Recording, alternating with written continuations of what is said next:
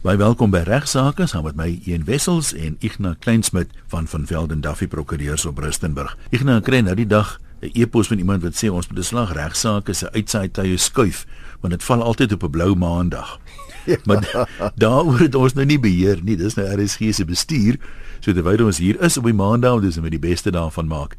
Welkom, lekker om jou weer te sien. Waaroor gesels ons vandag? Ja, een baie dankie en ek hoop dis nie 'n blou maandag vir ons luisteraars nie, dat jy lekker gaan luister saam ja, vandag na 'n paar interessante hopelik uh, aspekte wat ons gaan bespreek. Ja, Eerstens ek by die huis kom verf ek die dorp rooi. Niks blou nie. Ja, uh, ek is altyd baie beïndruk met mense wat hulle eie vrye tyd vir 'n goeie saak opoffer en een so een Soos groep. Braai. Ja, een goeie groep is die Vereniging van Regslui vir Afrikaans en ek het 'n briefie gekry van Corneels uh, Lourens af, die bekende taalaktivis daar van Britse prokureur, kollega van Brits en 'n goeie vriend wat vir my sê dat soos uh, u reeds moontlik in die pers van kennis geneem het, het die Vereniging van Regslui vir Afrikaans die Landerhofreëls na Afrikaans laat vertaal. Die reëlsraad het op 15 Oktober 2010 tot almal se verbasing hierdie reëls wat ons elke dag in 'n in 'n litigasie-praktyk gebruik, net in Engels uitgevaardig. Daar was verskeie klagtes ingedien by Pansat wat niks opgelewer het nie. Daar's ook 'n klagte ingevolge die wet op die gebruik van amptelike tale ingedien. Daar's wel die justisie gereageer hier in die begin van 2017, maar toe was die vertalingsproses van hierdie wet al ver gevorderd. En meneer Tom McClaglin wat baie jare 'n wetsvertaler in die staatsdiens was en voorsitter van die taalkommissie was, het hierdie baie oulike taal taak verrig. Corneel sê vir my dat uh, die Marie Luttig Trust, asook Piet van der Walt Trust het die fondse geskenk vir hierdie mooi nuwe vertaling. Ek het die voorreg gehad om daarna te kyk. Is 99000 woorde. Dis baie oulik en goed gedoen. En uh, ek dink dit is iets wat elke landros behoort te hê en elke prokureur wat in Afrikaans praktiseer in die landroshof behoort da dit te kan doen en terloops ek weet daar's gratis kopieë beskikbaar en as iemand belangstel kan u gerus maar net vra vir 'n uh, Lourens Prokureurs as jy web dis die e-posadres is lourensprokureurs@worldonline.co.za Lourens Prokureurs by worldonline.co.za Dan het ek 'n briefie gekry van Yvonne Kretsman. Sy sê ek bly in Croydon Vineyard Estate Somerset West en het 'n swembad gebou. Een van die swembadbouers het die komplekse spoedgrens oorskry op 22 November 2016 en is R500 beboet vir die oortreding.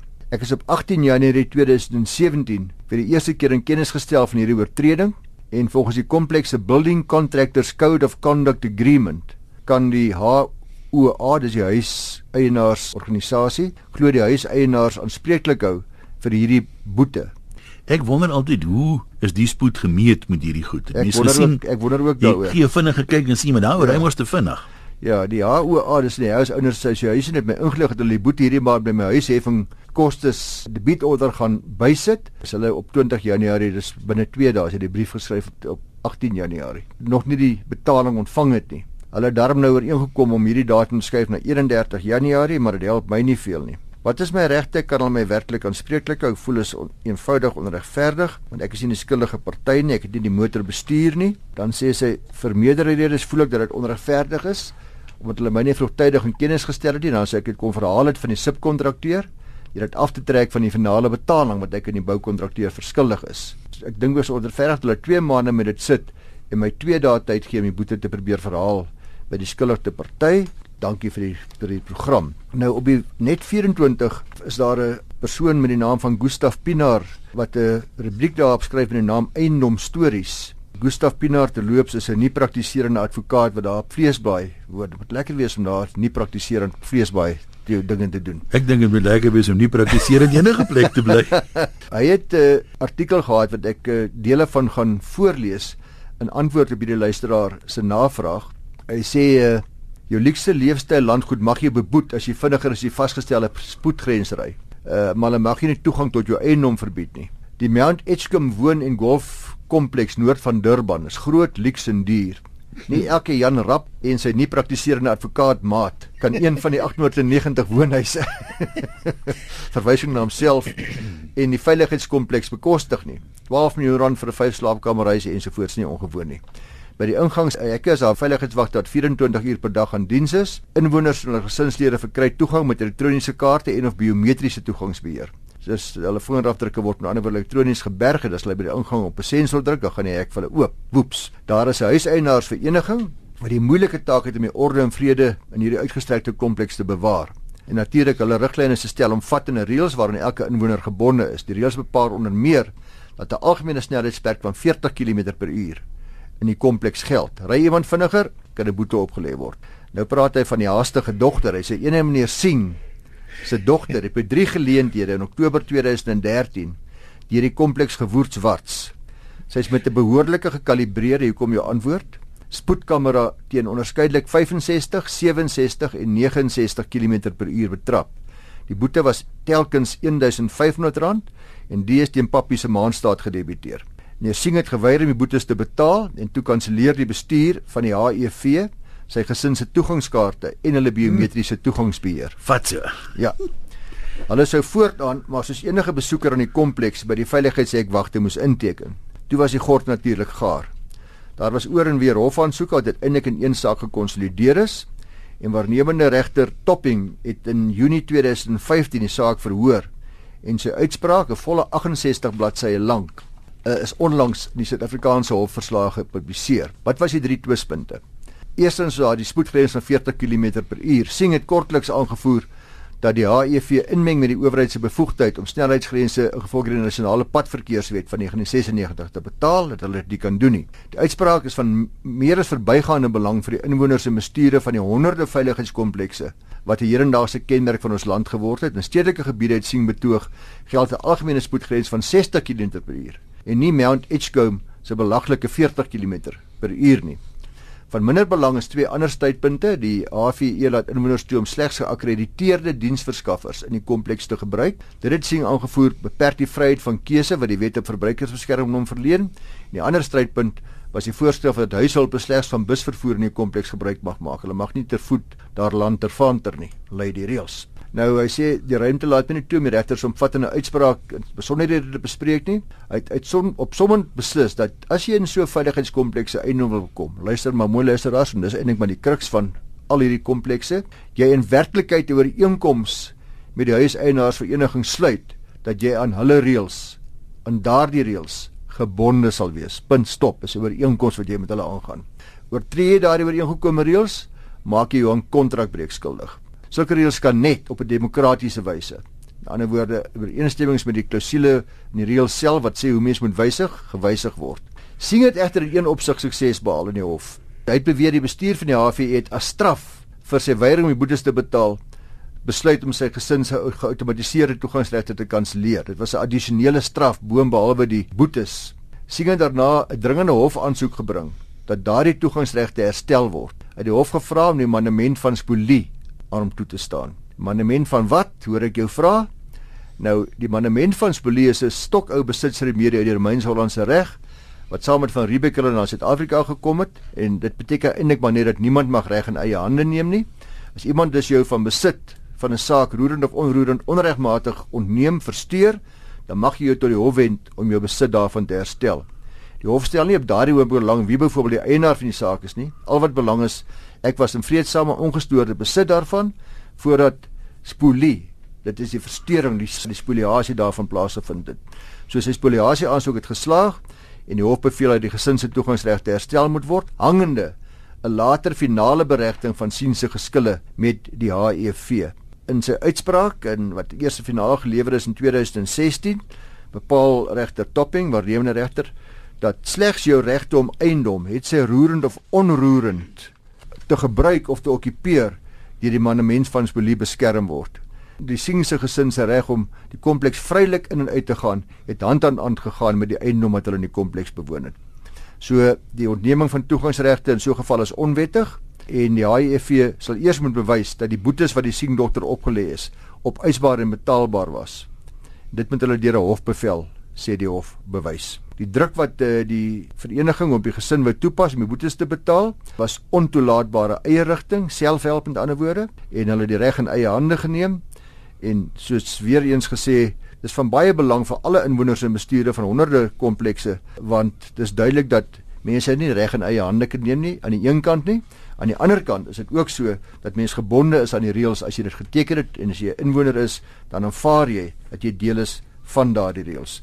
Mens weet nie regtig wat die oplossing is nie. Ek is altyd maar ook baie skepties oor die boetes en die strafbepalings wat opgelê word.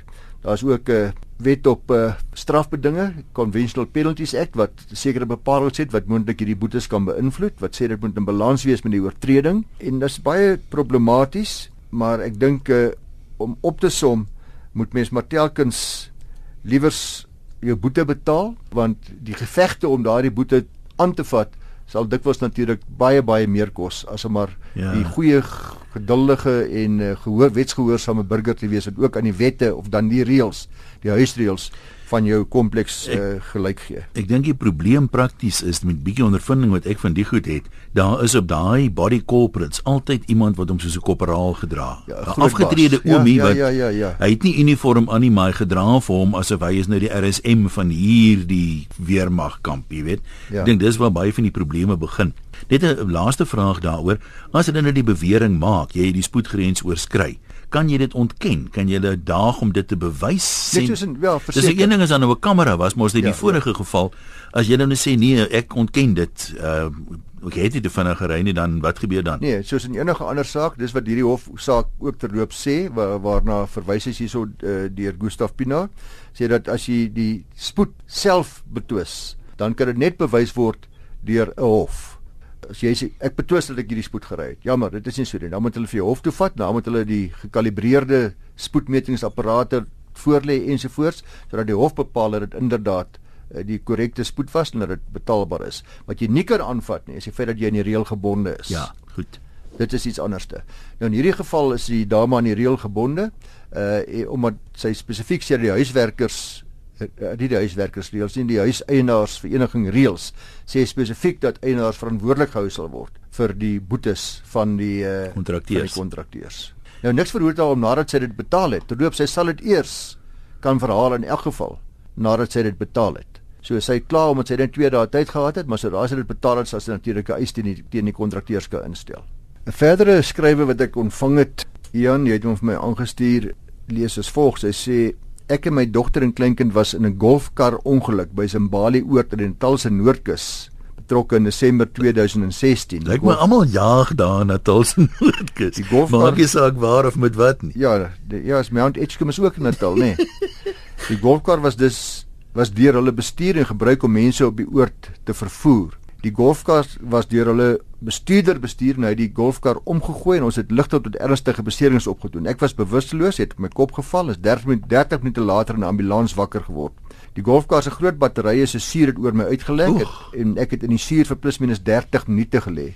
My klere en bril is vernietig en het 'n kopwond, oorwond en suurskade opgedoen.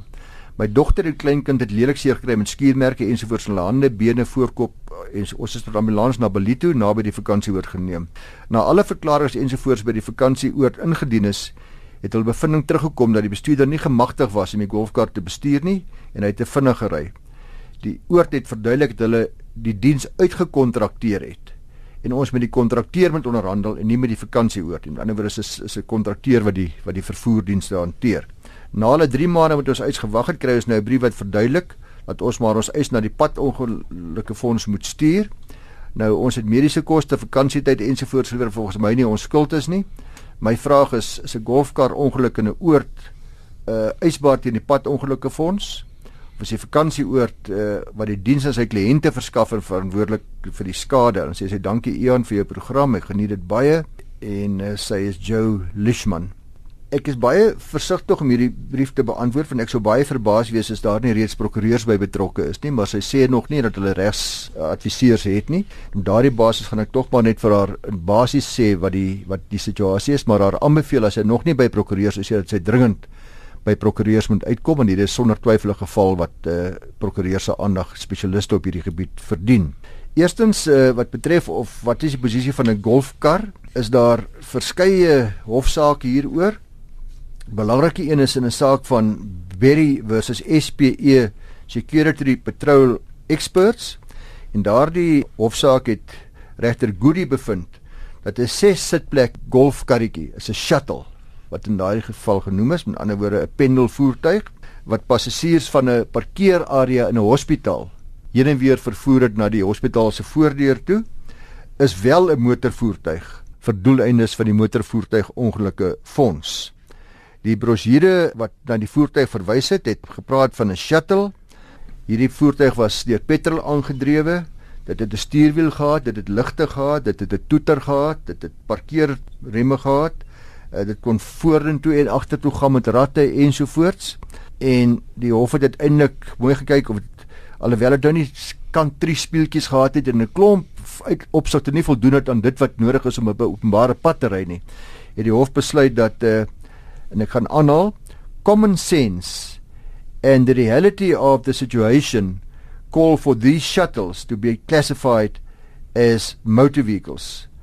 Otherwise, a claimant would be left without recourse against the RAF. So die onbillikheid daarvan sê hy moet 'n rol speel om wanneer mense nou kyk mm -hmm. na die definisie en hoe hoe wyd jy dit uitlê ensovoorts. So hierdie is duidelike geval vir ons luisteraar betref dat dit eh, as jy na hierdie saak kyk, daar geen twyfel is dat hierdie ook 'n sogenaamde pendel voertuig of 'n shuttle was soos hulle in Engels sê en dat sy wel kan eis teen die motorvoertuig ongelukke fonds natuurlik afhangende van die erns en die aard van die beserings want soos ons weet die motorvoertuig fonds uh, kyk net na ernstige beserings.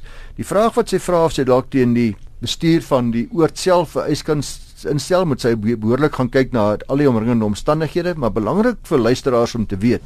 Ek sien dit daar waar ek vakansie hou en ek dink almal van ons wat op ander plekke vakansie hou, gereeld allerlei golfkarretjies wat rondry en dan word bestuur deur kinders wat duidelik nie gelisensieerd is nie of deur en dit word eintlik as pretkarretjies en bestuurkarretjies gebruik om gou te gaan golf speel op die golfbaan en loop en toegelaat. Sommige huise en ook loop en oral toegelaat. Nou ek dink dit het besondere risiko's want in hierdie geval van hierdie voertuig wat ek nou hier beskryf het in hierdie RAF saak in hierdie Berry saak is dit baie duidelik dat hierdie voertuig vir 'n sekere doel genoem is en baie in baie opsigte voldoen aan die vereistes van 'n motor.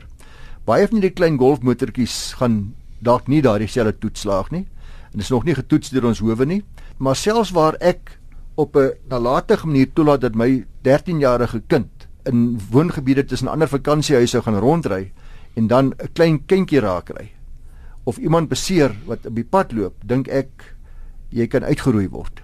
Uh daar kan geweldige groot eise wees veral waar die waar die motorvoertuig ongelukkige fonds nie gaan inkom nie en waar jy persoonlik op grond van jou nalatigheid as 'n ouer dalk aangespreek kan word of die nalatigheid van 'n HEV, 'n huiseienaarsvereniging wat sy lede oogluikend toelaat en sê dit is nou maar aanvaarbaar. Hierso kan almal nou maar rondry met allerlei karretjies en golfkars en in in in 'n selfs 'n uh, hierdie klein knorchorre en al die soort van dinge.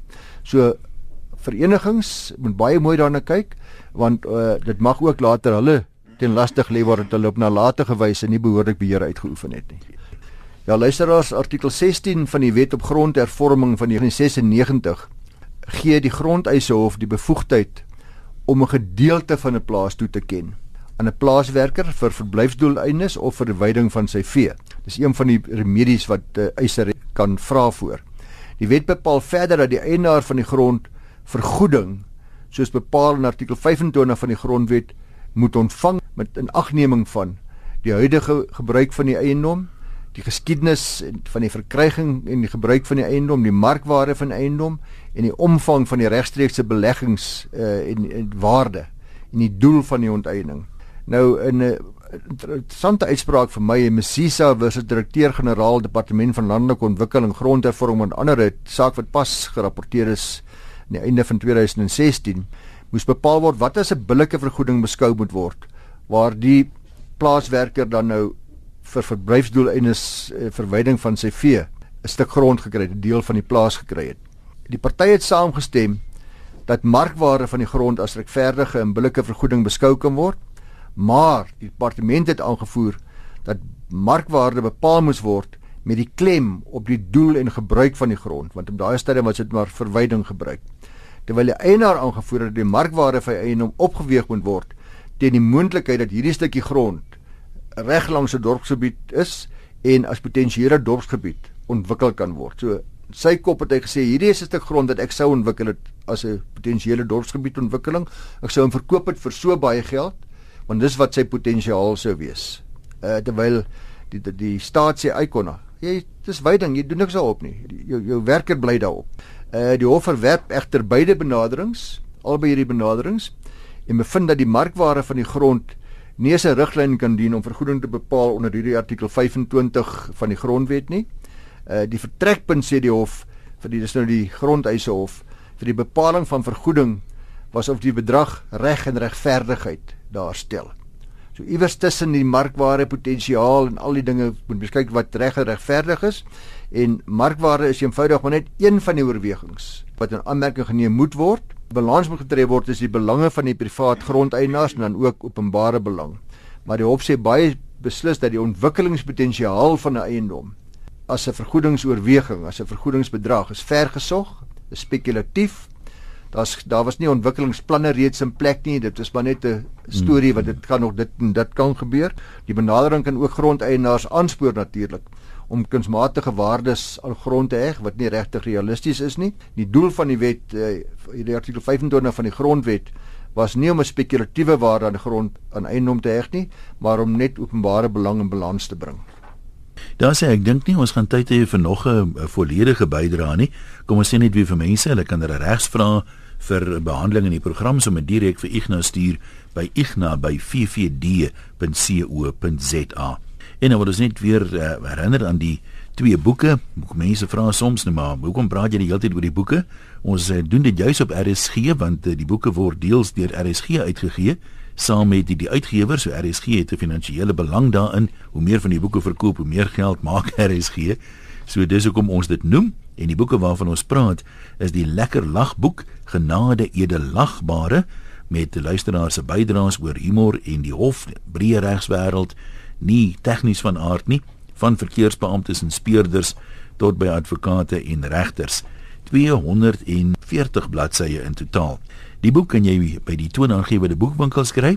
Die samesteller is ek, een wessels en die uitgewer is Lapa Uitgewers. Jy kan hom ook by hulle kry. lapa.co.za van 'n webwerf kan jy bestel, daar moet afleweringskoste dan net bykom. Dit val onder nie fiksie op die webwerf. Jy kan Lapa ook skakel in kantoorure 012 401 0700. En soos ek gewoonlik sê, as jy graag 'n boek wil hê met 'n spesifieke boodskap hierin, kan jy my direk kontak. Ek kan dit vir jou by jou besorg vir R299 wat afleweringskoste insluit. Skryf sommer vir my by 1 by rsg.co.za of kontak my vanaf my webwerf www.eenwissels.com. Ek nou jou boek word uh, saam met RSG deur Naledi uitgegee. Sy bestelprosedure?